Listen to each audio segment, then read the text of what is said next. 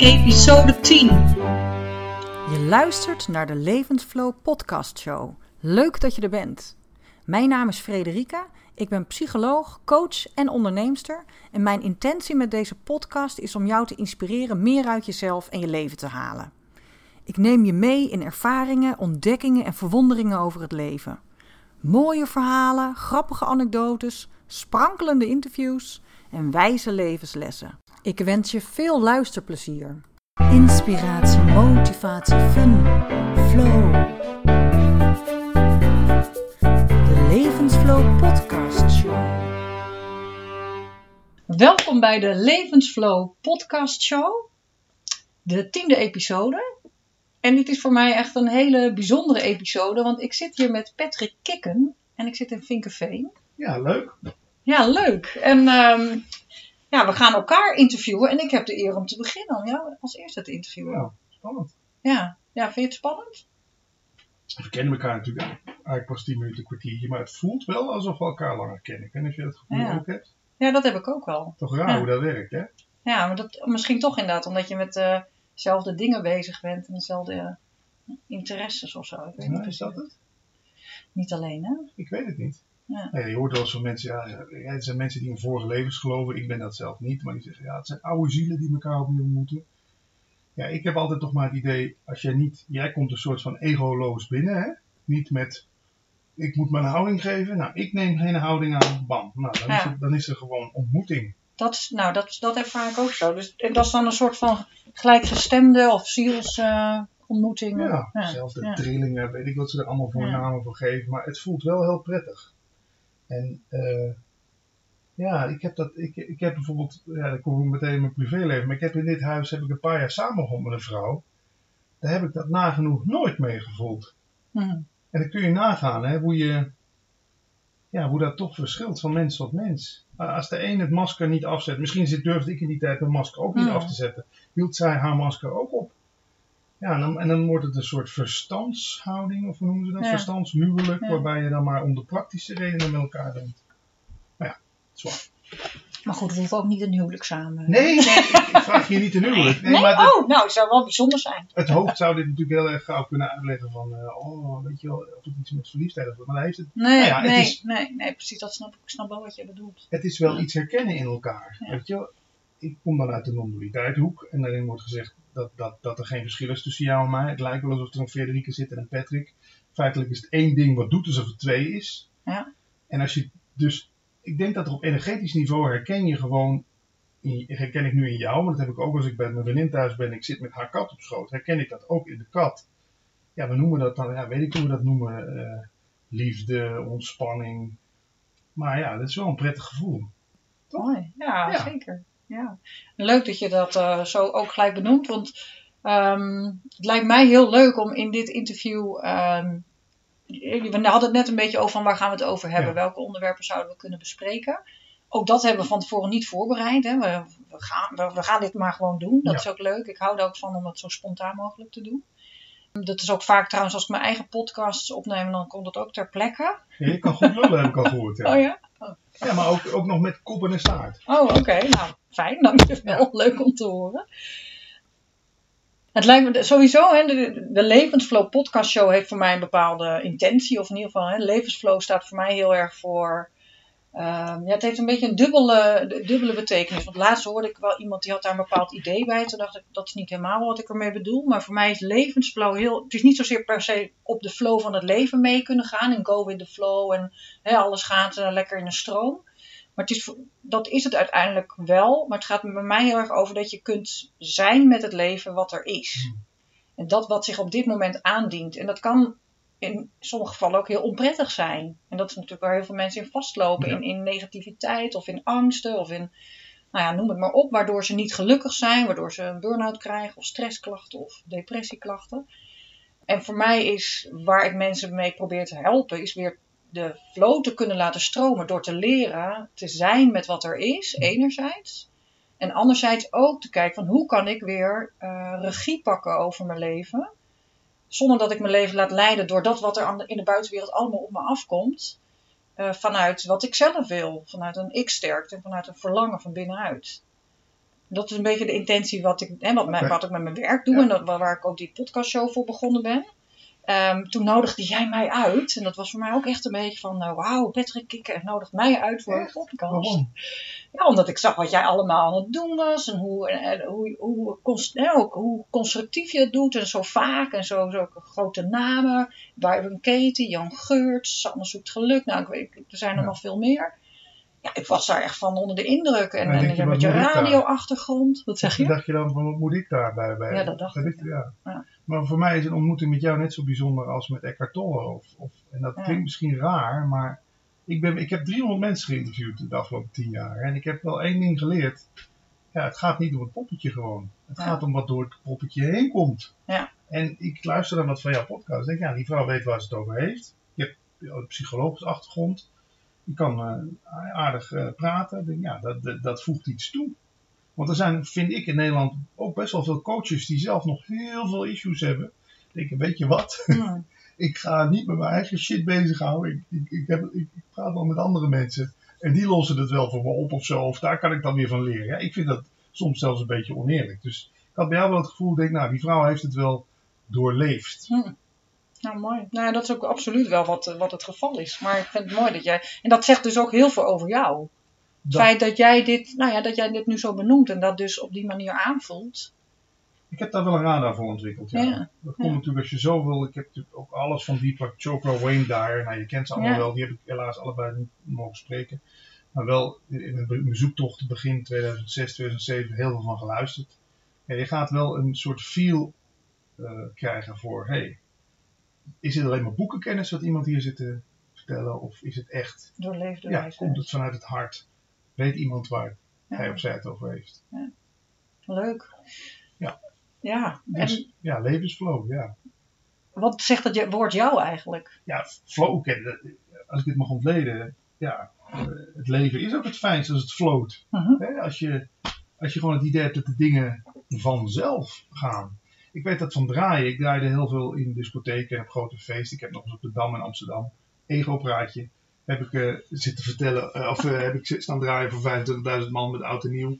Nou, dat, toen was ik niet in de flow, want probeer maar eens het publiek van 25.000 man. Dat, ja, dat is zo groot en ook nog koud buiten. Maar je hebt avonden, of veel avonden, je staat te draaien en dan zeg ik altijd, dan is het ijs gebroken. En dan kom je in die flow. En dan is het net alsof het publiek jou de volgende plaat aanreikt die je moet Ah. Weet je, het wordt dit. Heb, heb jij dat zo ervaren ja, toen heb ik zo aan, ja. Het voelde me maar bijna, ja, ik wil het niet heilig noemen, maar wel spiritueel. Ah, ja. En grote, veel grote discjockeys herkennen dat. Er komt een moment op de avond, dan zijn die ik-jasjes uit, noem ik het maar. Dan wordt het één groot kolkende massa. Dan wordt het een feest en dan begint het als vanzelf te lopen. En dan draaide ik soms drie, vier uur, terwijl ik maar voor anderhalf uur of twee uur geboekt was. Omdat het zo, ja, je komt inderdaad letterlijk in die flow. En dat kennen sporters ook. Hè? Mhm. Die noemen het geloof ik de zone waar ze in terechtkomen. Dat ze, ja, je hebt zelfs het gevoel alsof jij het dan niet meer doet of zo.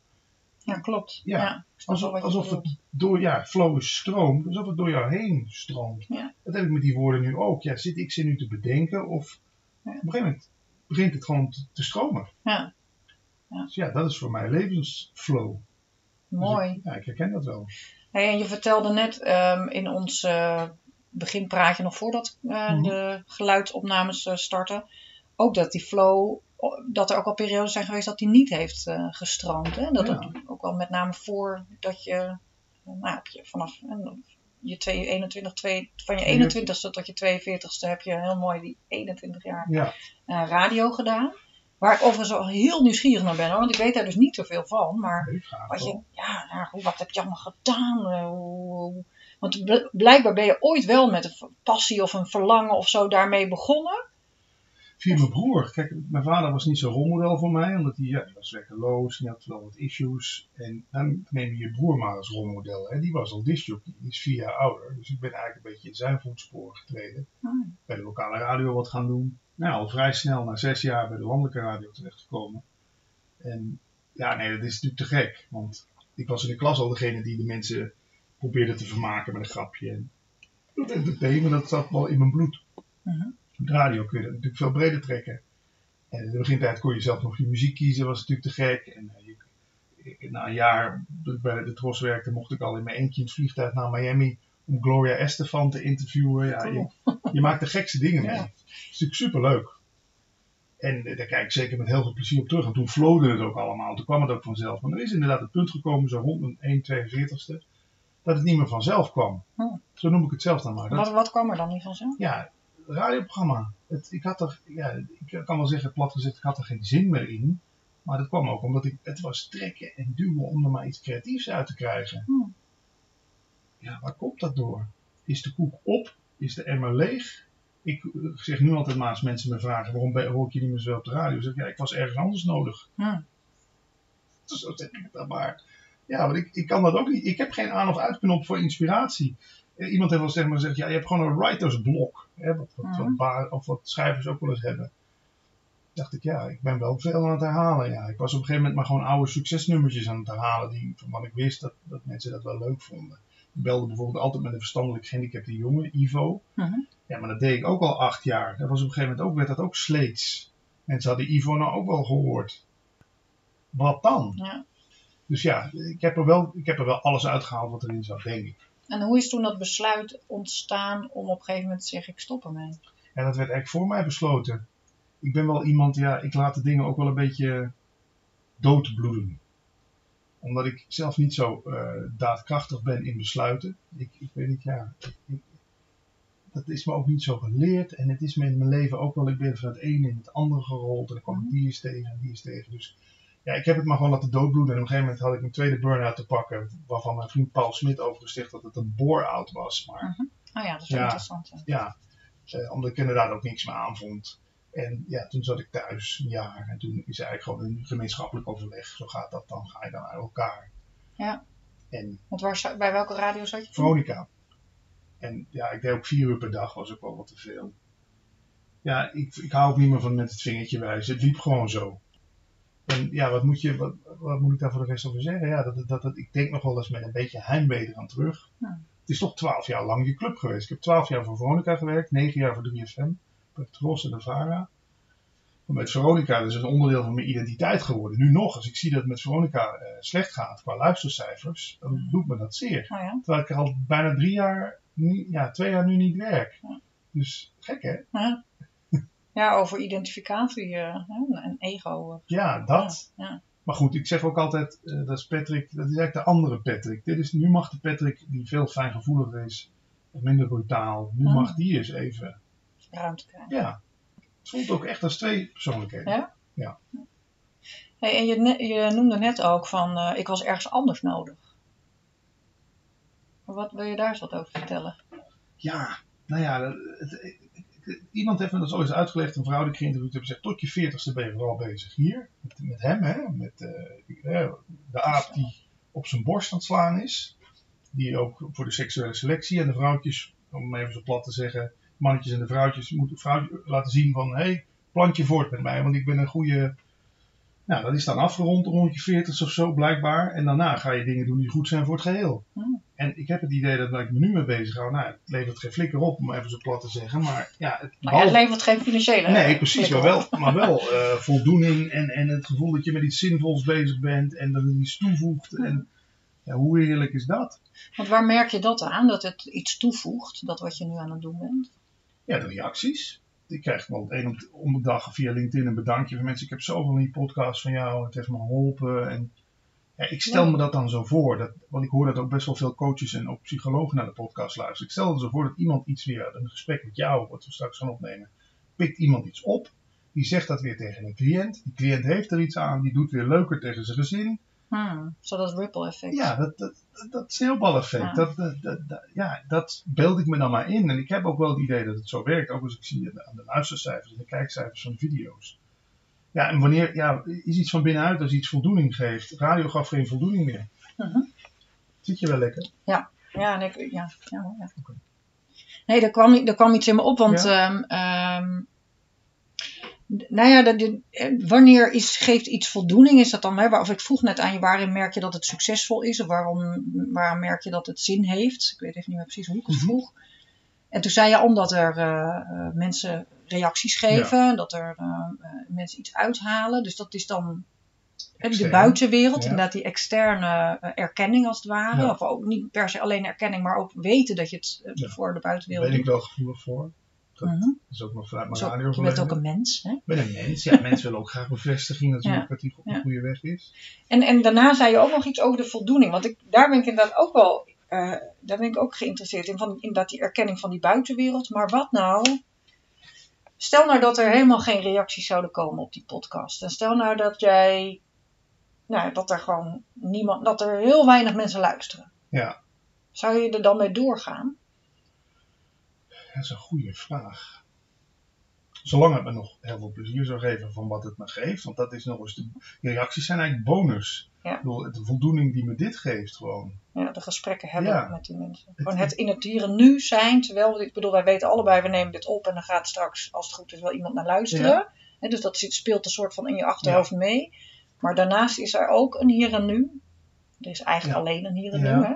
Maar, Ja, waarin dit nu gewoon voldoening geeft. Kijk, ik ben nooit zo geweest van het praten over eh, de voetbalwedstrijd van gisteren. Of, Eh, weet je wat ik al even een klein zijstapje, wat ik dus nog nooit begrepen heb, is, daar lach ik me ook altijd elke keer suf, het weerbericht. Dat begint ermee met, het was vandaag, en dan krijg je zo'n papier of zo'n Nee, hè, zo, zo'n plaatje met waar er allemaal wolkbreuken op Ja. En dan denk ik, who Who cares? Ja. Waarom willen we weten, het was vandaag? Nou ja, dat idee. Ja, lucht verplaatsen. Ik hou graag van praten over essentiële zaken. En ja, daar kan je natuurlijk misschien ook wel in doorslaan. Je wil natuurlijk niet ook iemand worden die alleen maar de hele dag wil filosoferen. Maar dan ben je ook nu misschien niet meer in het hier en nu. Kan. Maar ik, eh, humor vind ik zo mooi, weet je wel. Daarom, ik, ik moest op jouw podcast lachen die je met Tony Robbins had opgenomen. De Nederlandse Tony Robbins. Mhm. Ik denk, hè hè, een beetje luchtigheid in die scene. Daarom kreeg je bij mij ook een streepje voor. Ik denk, ja, er wordt al zo gewichtig gedaan ook wel over dit soort onderwerpen. De ene weet het nog beter dan de ander. Ik hoop dat ik hier ook niet zo overkom. Ik kan alleen vanuit mijn eigen ervaring praten. Maar ik hou wel van praten over ja, de, de zin van het leven. Ehm, ja, je bent psycholoog, dat denk ik ook wel interessant. Weet je, wel. je weet veel van de psyche. En hoe werkt dat dan met zo'n ego en de vrije wil? Daar heb ik ook jarenlang heb ik daar mensen over, over bevraagd. Is de wereld een illusie? Allemaal dat soort vragen. Ja, dat zijn toch. Je krijgt er misschien nooit een antwoord op, maar ik vind het wel lekker om erop te knabbelen. Ja. Ja. ja, zeker. Ja, En, en ik weet niet of jij dat ervaart, maar ik heb ook het idee dat er absoluut de laatste jaren een beweging, of ik weet niet of het een beweging is, maar dat er in ieder geval meer openheid over is. Dat Ja. er meer behoefte aan is. Dat het niet meer alleen maar zweverig wordt gezien, als zweverig wordt gezien. Maar dat je echt steeds meer mensen, want ik vind het ook nog best wel spannend hoor, die onderwerpen. Maar ik merk dan dat mensen er ofwel behoefte aan hebben, of de mensen waarvan je het niet verwacht er ook mee bezig zijn, Ja. of daar ook interesse in hebben. Ja. Ervaar jij dat ook? ja, ja, ja, ja, lang leeft het internet. Tien jaar terug toen we met de podcast Praten over Bewustzijn begonnen, hielden we het ook nog een beetje stil, Paul en ik.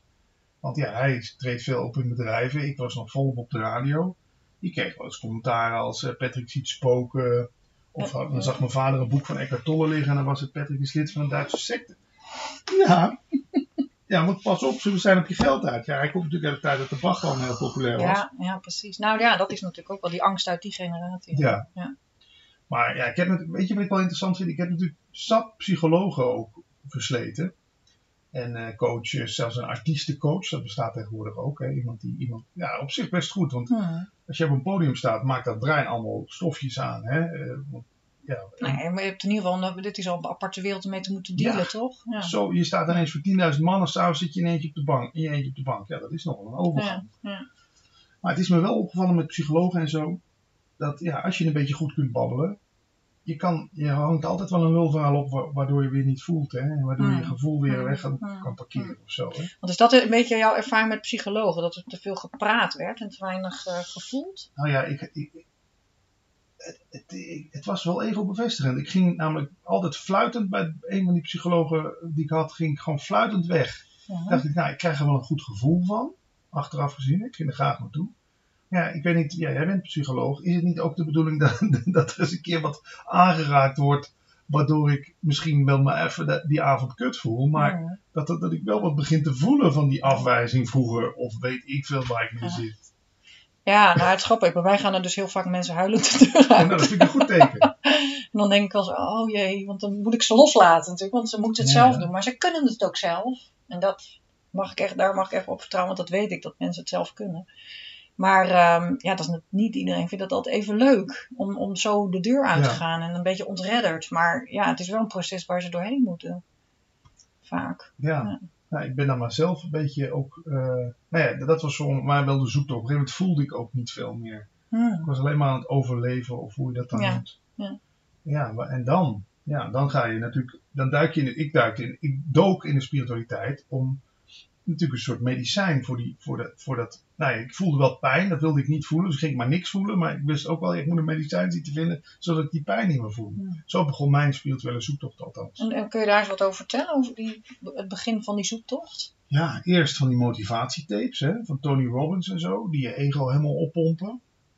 Nou, dat had zijn functie, want daar voelde ik wel eventjes beter van. Maar nou, toen kwam ik al gauw uit bij Wayne Dyer, Deepak Chopra, Eckhart Tolle, alles van gezien, gelezen, wat je maar kan verzinnen, zulke stapels Ja. cd's en dvd's. Maar dat bracht me op een plek waarvan ik dacht, hé, maar wacht eens even, hier is het vredig en rustig en ja, hier ben ik niet zozeer bezig met mijn problemen. En ja, dat is voor mij altijd het spanningsveld geweest tussen ego, of je het dan, ik weet niet of je het zo mag noemen, Patrick, het ikje, wat met, met allerlei ideeën van hoe het zou moeten zijn inderdaad. En gewoon die vredige, stille plek, Eckhart Tolle noemt dat dan stilness van binnen, waar het gewoon eigenlijk in het oog van de storm, waar het altijd rustig is. Hmm. En die plek heb ik wel leren kennen. Ik zeg niet dat ik er altijd ben, maar ik merk, ik ken die plek wel. En daar is niet meer zoveel voor nodig om die plek weer te bezoeken. Ja, en, dat- en eh, hoe doe je dat? Want dat, zeker ook voor mensen die luisteren naar deze podcast, denk ik dat het A, een heel herkenbaar verhaal is, een heel belang, eh, herkenbaar verlangen is. En natuurlijk de grote vraag inderdaad, en jij hebt daar, begrijp ik uit je verhaal, behoorlijk wat eh, beoefening in gedaan. En, en, en eh, afgelopen jaren eh, kennis in vergaard, maar dus ook oefening in opgedaan. Hoe kom jij bij die stilness, bij, die, bij dat Ja. prettige gevoel? ja, of ik weet niet of prettig Mhm. gevoel is. dat- Ja, ja, heel vredig. Dat, Vredig. Kan, dat kan al door een kopje koffie, en nu is dit toevallig niet meer zo warm, maar dan gewoon die slok te nemen en die hele sensatie van, die, van dat slokje koffie, ja, dat is dan toch mindfulness, Mhm. helemaal te beleven. Dan ga je echt helemaal op in die koffie. Je wordt als het ware die koffie of zo. Mhm. En waar is dan Patrick met zijn problemen in die slok koffie? Die, ja, die is er niet eventjes. Mhm. Daarom ben ik ook, ik, heb, ik ben verslaafd geweest aan alles behalve drugs. Weet je, in seks, in, in, in eh, kopen, in eh, eten ook. Ik ben een stuk dikker geweest nog. Ehm, omdat je, ik- dat, ik, ik kwam op een gegeven moment achter, het is niet dat eten wat je wil. Maar je wil even dat vredige gevoel Mhm. dat je er eventjes bijna niet bent met je problemen terwijl je die hap eten neemt. En Allemaal ja, afleidingen. ja, ja coping, hè, zoals dat Ja. blijkbaar Ja, coping, maar dat, ja. Of is dat weer Ja, nee, je hebt helemaal gelijk. Ja. In de psychologie heb je ook zelfs testen met copingstrategieën. En ehm, ja, goed, dat zal, komen we straks misschien nog op in het andere interview, dat ik niet zo'n hele klassieke psycholoog ook ben. Niet met Ehm, die DSM-5 op je, op je schoot. Nee, nee, absoluut niet. En, en met name ook die coping. Op een gegeven moment ben ik er steeds meer achter gekomen dat eh coping is dus eigenlijk voor mijn gevoel meer een vluchtmanier. Hè, om, om niet te voelen, Ja, hoeven voelen wat ja. je aan het voelen bent of wat er mag zijn. Ja. Terwijl het wordt dan copingstrategieën genoemd. En dat is ja, alsof het bijna een soort van iets goeds is of zo. Van nou, maar dat is handig, want dan kan ik ermee dealen. Ik heb mijn vader ook zijn hele leven bier zien drinken om, om maar weg te vluchten. En ja, ik heb dan eh, ook in allerlei dingen gezocht. Gelukkig niet in drugs, want ik weet hoe verslavingsgevoelig ik, eh, ik ben. Maar ik kwam er dus dankzij Eckhart Tolle en zo, om daar even naar terug te brengen, achter dat het hem dus niet... Het zit er niet zozeer in dat ik zo graag die nieuwe laptop wil hebben. Nee, ik wil het gevoel wat die laptop kopen me geeft. Dat ben ik gaan onderzoeken. En dat gevoel is dus even oké te zijn. Even eh, geen problemen. Even is alles zoals ik zo wil. Alles is zoals ik wil dat het is. Ja, daar komen we dus bij. Kan jij inderdaad ook gewoon accepteren dat het nu is zoals het nu is. We zitten op iets te koude zolder met iets te veel spullen. De koffie is lauw geworden. Maar maak ik daar een probleem van? Nee. Dus, dus dat vredige gevoel is nu ook bij mij. Pas op het moment dat ik me over van alles druk ga maken, ja, dan gaat het een soort vertroebeld worden. Ja, D- Dat heb ik echt van Eckhart Tolle geleerd. Daar moet ik hem echt wel Mooi. voor zijn. Heb jij ook zo'n soort, eh, ik weet niet, ja, sommige mensen noemen het een spiritueel ontwaken, maar het kan ook misschien in, in wat minder eh, grote bewoordingen een gevoel had van alsof er een soort van enorm kwartje viel dat je dacht, wow, oké, maar alsof er bijna een soort shift Ik herken dat wel. Ik heb dat, ik, maar dat is met momenten. Dan bijvoorbeeld met een Ja. koud glas water kan ik me herinneren. Dan dronk ik dat. Wow, ik ben helemaal vervuld van het water. Ik ben, Hè? Dat zou je toch normaal alleen moeten hebben als je een de nieuwste BMW koopt of zo, weet je wel? Dat, dat helemaal. Maar dat zit hem dus blijkbaar niet in de vorm. Het zit, komt vanuit mij. Oké. Ja, ik ken het wel. Ik ben, niet zo ver dat ik mezelf eh, ontwaakt of zelf gerealiseerd. Dat vind ik zulke grote woorden. Maar ik heb het idee dat het wel. Dat het, dat het zich openbaart af en toe of zo. Alsof ineens de zon heel fel is. Zo. Woef. Ja. En dan soms wordt het weer eens een beetje vertroebeld. Maar ja, de zon is er toch altijd nog. Ook al zitten er wat wolkjes voor. Dus, maar ik heb wel weer geleerd dat, dat die zon er is of zo. En dat die zon nooit weggaat. En ja, dat vind ik al heel fijn. Ja. Mooi, hè? Ja. Ja, dat is het echt. Ik kan me voorstellen dat jouw leven daarmee heel erg veranderd is. Ja, nee, tuurlijk. Je zoekt ook niet meer. naar- je- je- ik vind het verschil tussen. Je zoekt niet meer in de wereld naar geluk, maar je brengt geluk mee naar het feestje. Hè? Of, of liefde, je wil liefde uit die wereld halen. Nee, je brengt liefde mee in de Mm. wereld. En ja, ik denk dat dat of je ziet misschien je eigen je, je liefde voor jezelf gereflecteerd. in- Je gaat de schoonheid van die dingen, inderdaad. Dat zie je, al- ga je allemaal terugzien. De onschuld van dingen ga je veel meer terugzien. Ik heb natuurlijk ook Jan en Alleman van alles verweten. Inclusief mezelf, mijn vader, de buren. Hè, waarom doen ze toch zo? Waarom is hij toch zo? En nog bij tijdenwijlen steekt het de kop op. Ik zit hier echt niet het heilige boontje te zijn. Maar ik denk dat dat wel voor een groot deel al weggepoetst is. En dat voor een paar jaar tijd dat ik uit die radiowereld ben. Maar het was daarvoor wel ook al. Het is niet iets van de afgelopen paar jaar. Daar heb ik toch wel tien jaar voor nodig gehad, denk ik. Kan jij nog herinneren of, of er een bepaalde eh, aanleiding toen was, tien jaar geleden? Of dat er iets gebeurd is? Of is het geleidelijk ontstaan dat je... Ja, dat was een liefdesrelatie. Ik kon, eh, een bepaald meisje was vooral alleen maar geïnteresseerd in mijn, maar zeggen, Visa Goldcard. En dat ik bij de radio werkte en haar mee kon nemen naar een filmpremière. status? Ja, ja, ik mag haar een goldinger noemen, maar dan zou ik net zo goed zelf iemand zijn die daar dan weer gebruik van maakt. Dus dat is geen schuldvraag. Ja. Maar dat deed zozeer, dat zeggen ze ook wel eens. Hè? Ik bedoel, zonder crisis geen ontwaken, wordt er gezegd.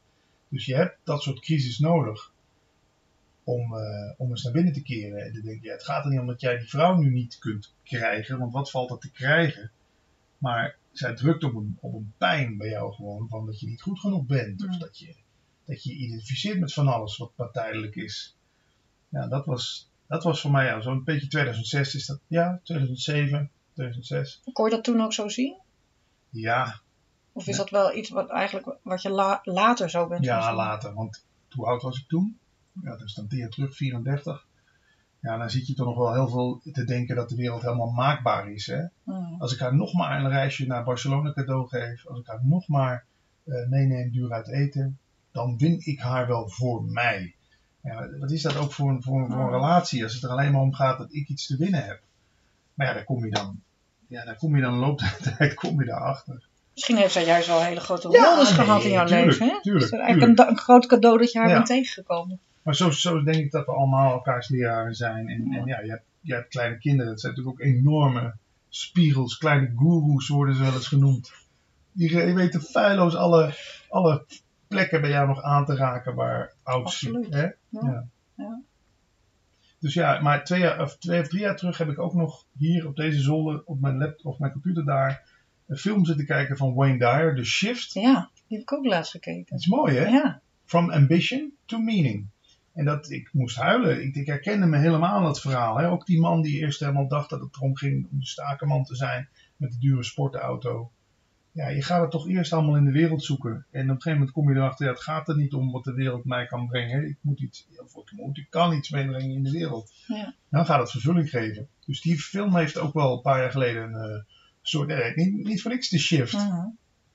Ja, dus Wayne Dyer ook. Ik weet niet of hij kijkt vanuit, of luistert vanuit de hemel. Eh Dank je wel.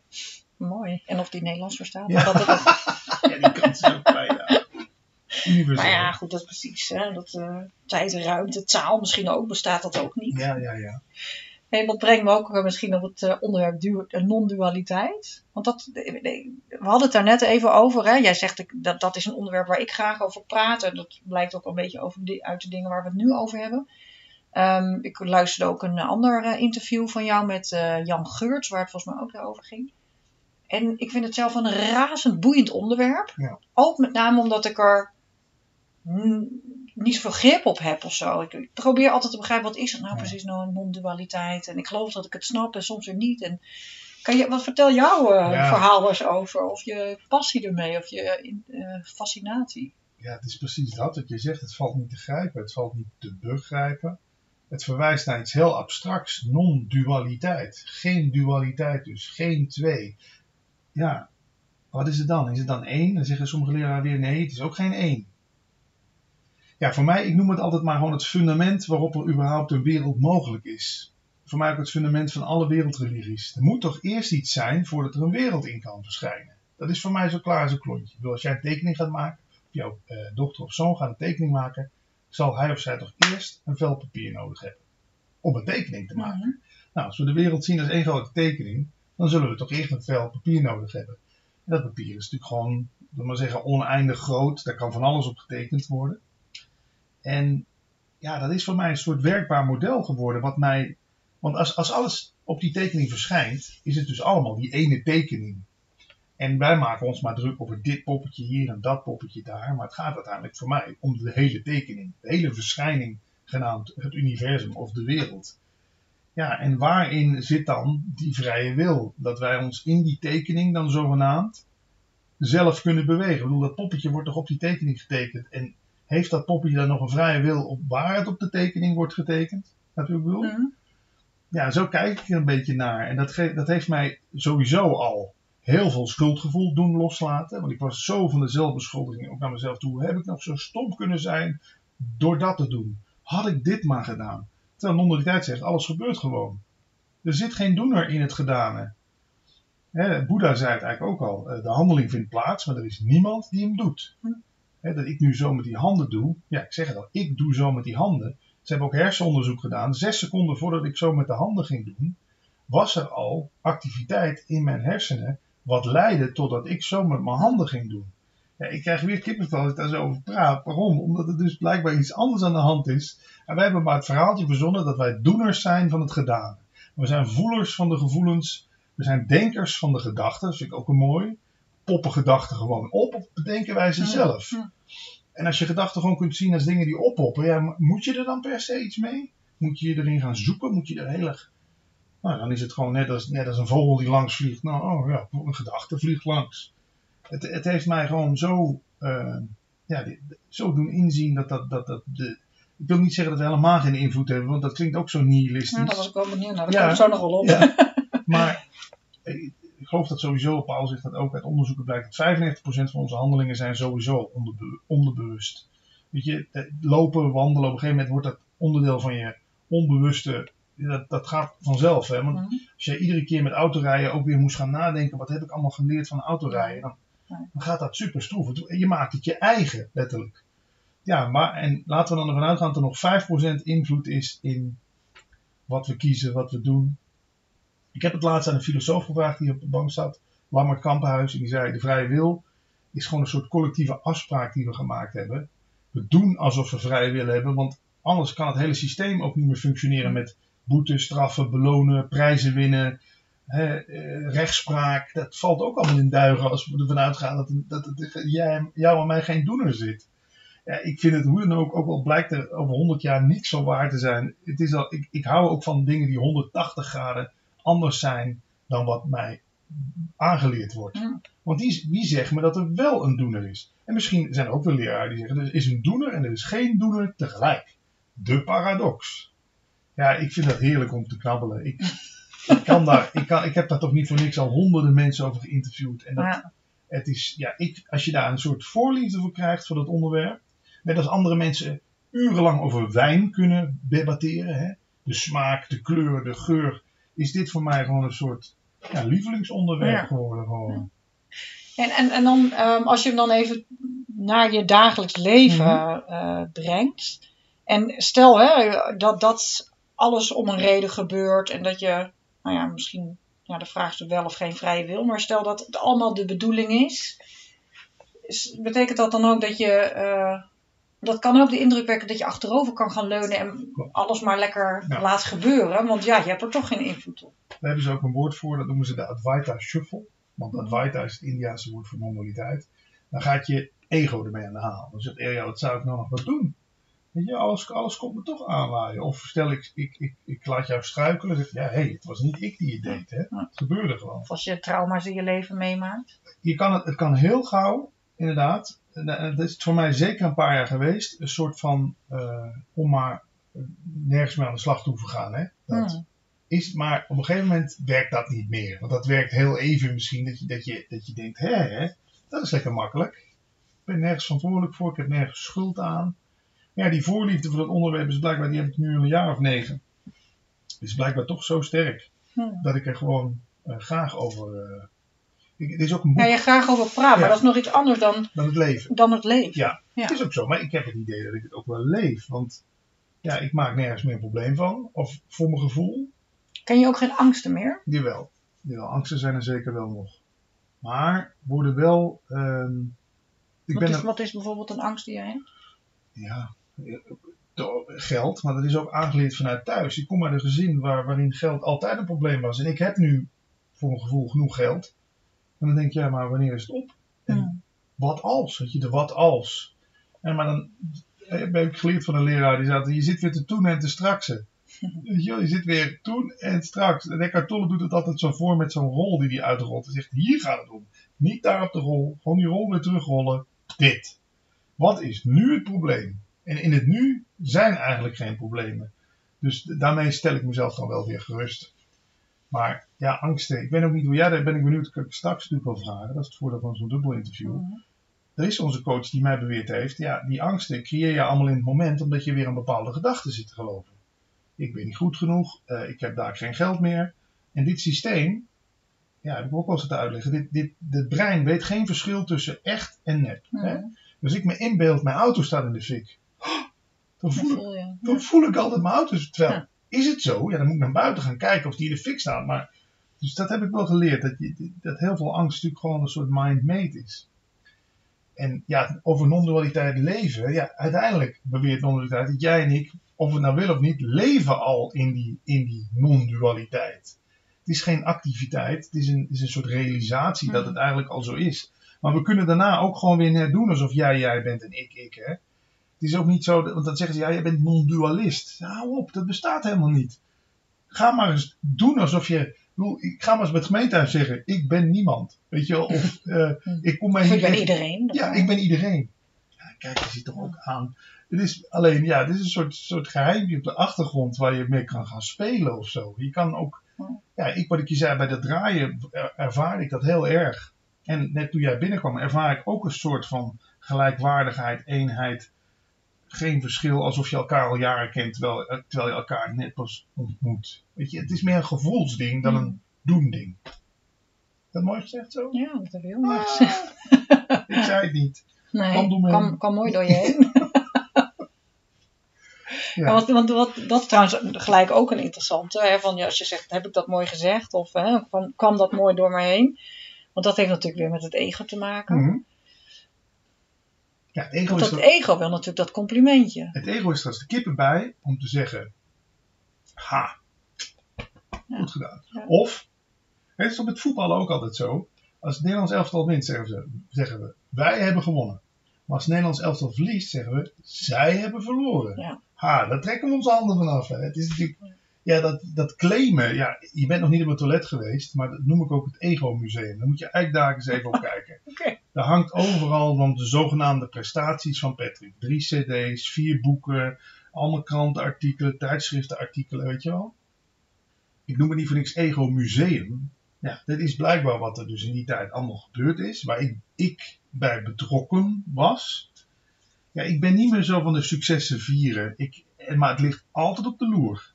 Want het is Maar waarom mag het niet? Dat klinkt bijna alsof het vies is. ja, oké. Nou ja, ik ben het vies gaan vinden, omdat ik natuurlijk jarenlang alleen maar voor dat ego geleefd heb. Ik heb dat ego op de troon gezet.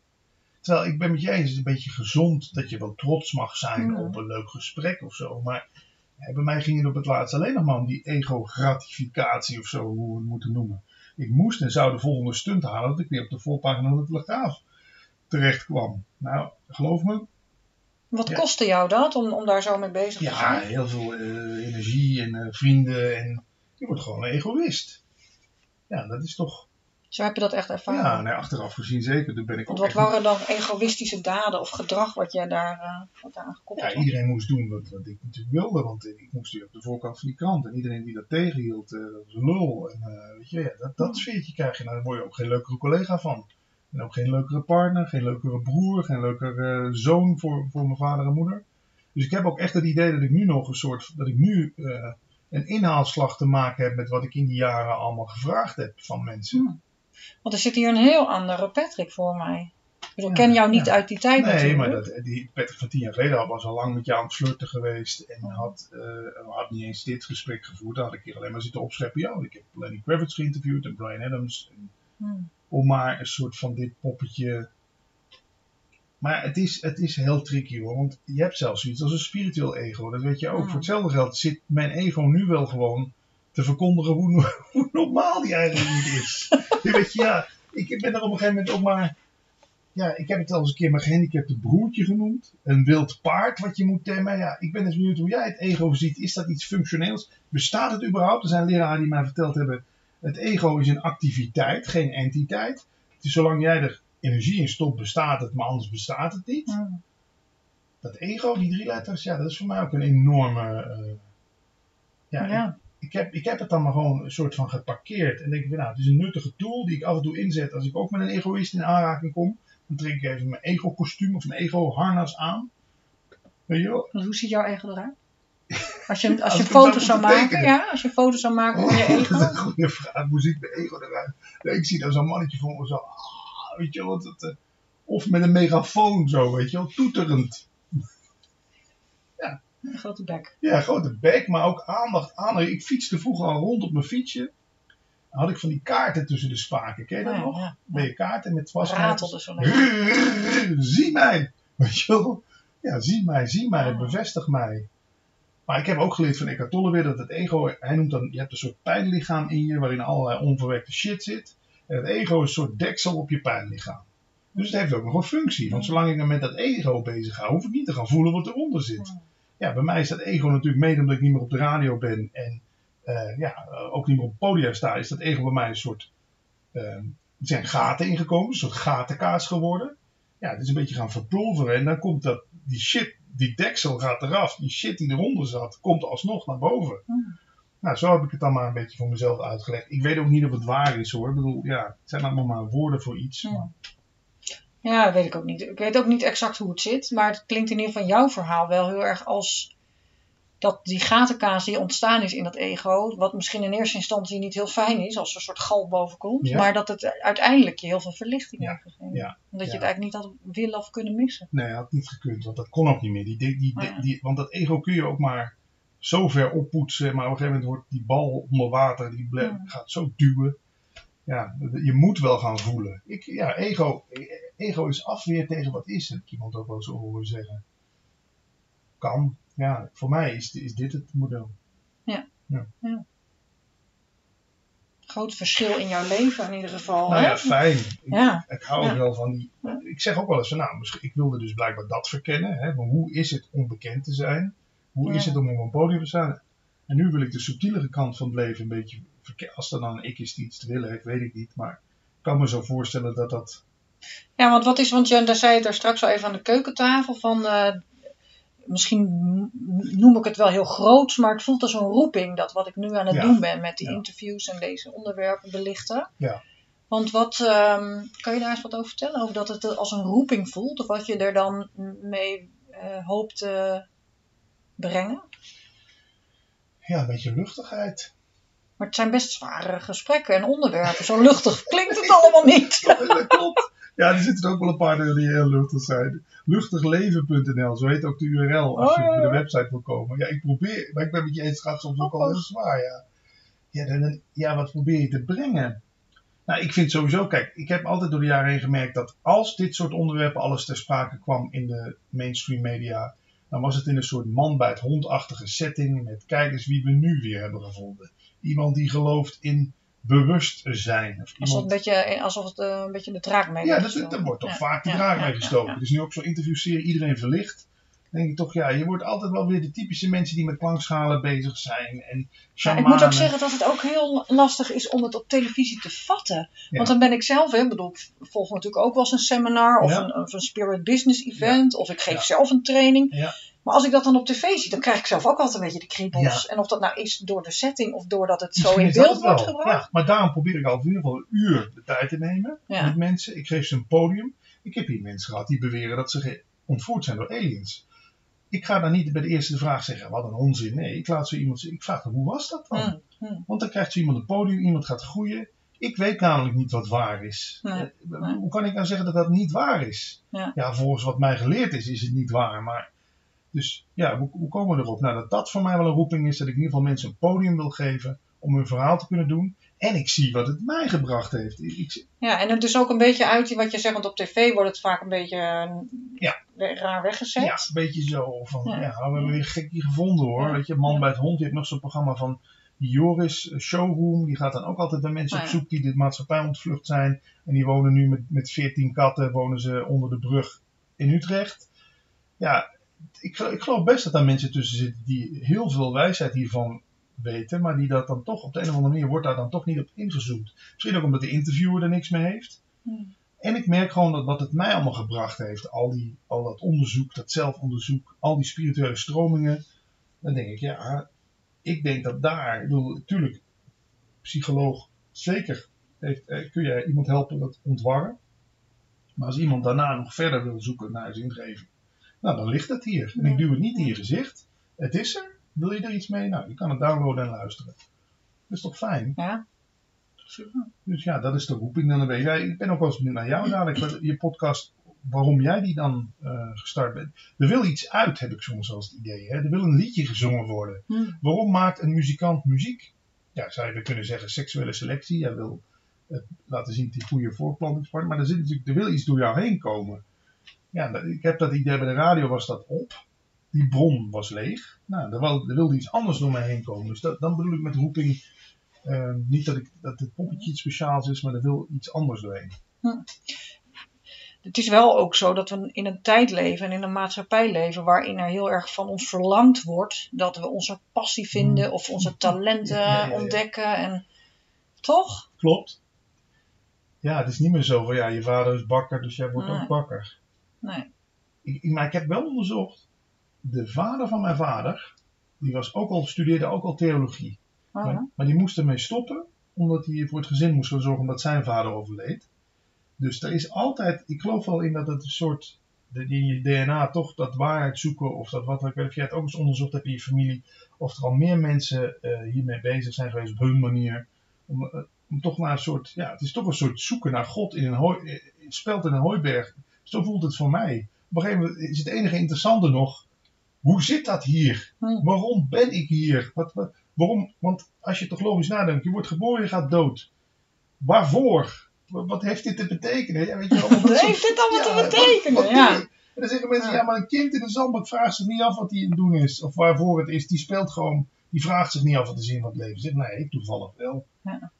Ja, heel veel. En met jou heel, heel veel. Ja, toch best. Ja, jij zult ze ook in je praktijk krijgen.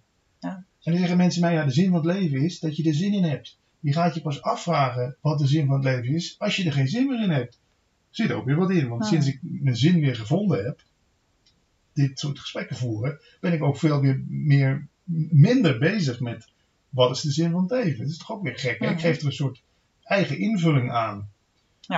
En dat, dan vind, dat is ook alweer interessant, het kader van die vrije wil. Want heb, dat heb je dan toch min of meer zelf gecreëerd. Ja, of het kwam op mijn pad. Ja, ik weet, ik, misschien is het allebei wel. Ja. Natuurlijk moet je er iets voor doen. Ik moet je ook een mailtje sturen en, en we moeten afspreken. En, maar ik vind het al wel interessant. Waar komt dat brandende verlangen vandaan om dit te gaan doen? Hè, dat, dat is ook wel iets wat opborrelt. Ja. En de zin ervan is, Is- ja, nou ja, en dat, om het even af, en de zin ervan is dat je er dus anderen weer mee weet te inspireren. Ja, ik hoop het. Tenminste, dat is naast de zin die het voor jezelf heeft, Ja. hè, waar we eigenlijk ook in het begin over hadden. Ja, en ik heb er gewoon zin in. Ja, Het- oh het- ja. dat is ook gewoon zo. Weet je, ik eh, heb echt niet vroeger, als ik dan naar een drive-in show reed, Ja. knoop in mijn buik. Ah, ik heb, ben zelfs wel een keer naar een discotheek in Zeeland gereden voor de deur. Ik kon het niet meer. Ik ben omgedraaid. Ja. Helemaal in Zeeland Ja. gereden. Ja. En dit, dan weet ik dat jij komt. En dan, en dan nou, ik, ik sta nog niet zo voor de deur. Maar ik heb wel dit gevoel in mijn buik of zo. Ken je dat? Ja, ja. Dat je er zin in hebt. Ja. En ja, dat is dan... ik had vanochtend ook echt zin in deze dag. Ja, nou hier. Ja. Dat, is toch, dat is toch heerlijk. Ja. En hoe dat komt, ja, ik, ik weet het ook niet. Misschien is het één, blijkt het later dat dit ook weer één grote ego-trip was. ik hoop het niet. Tenminste, ze voelt het niet.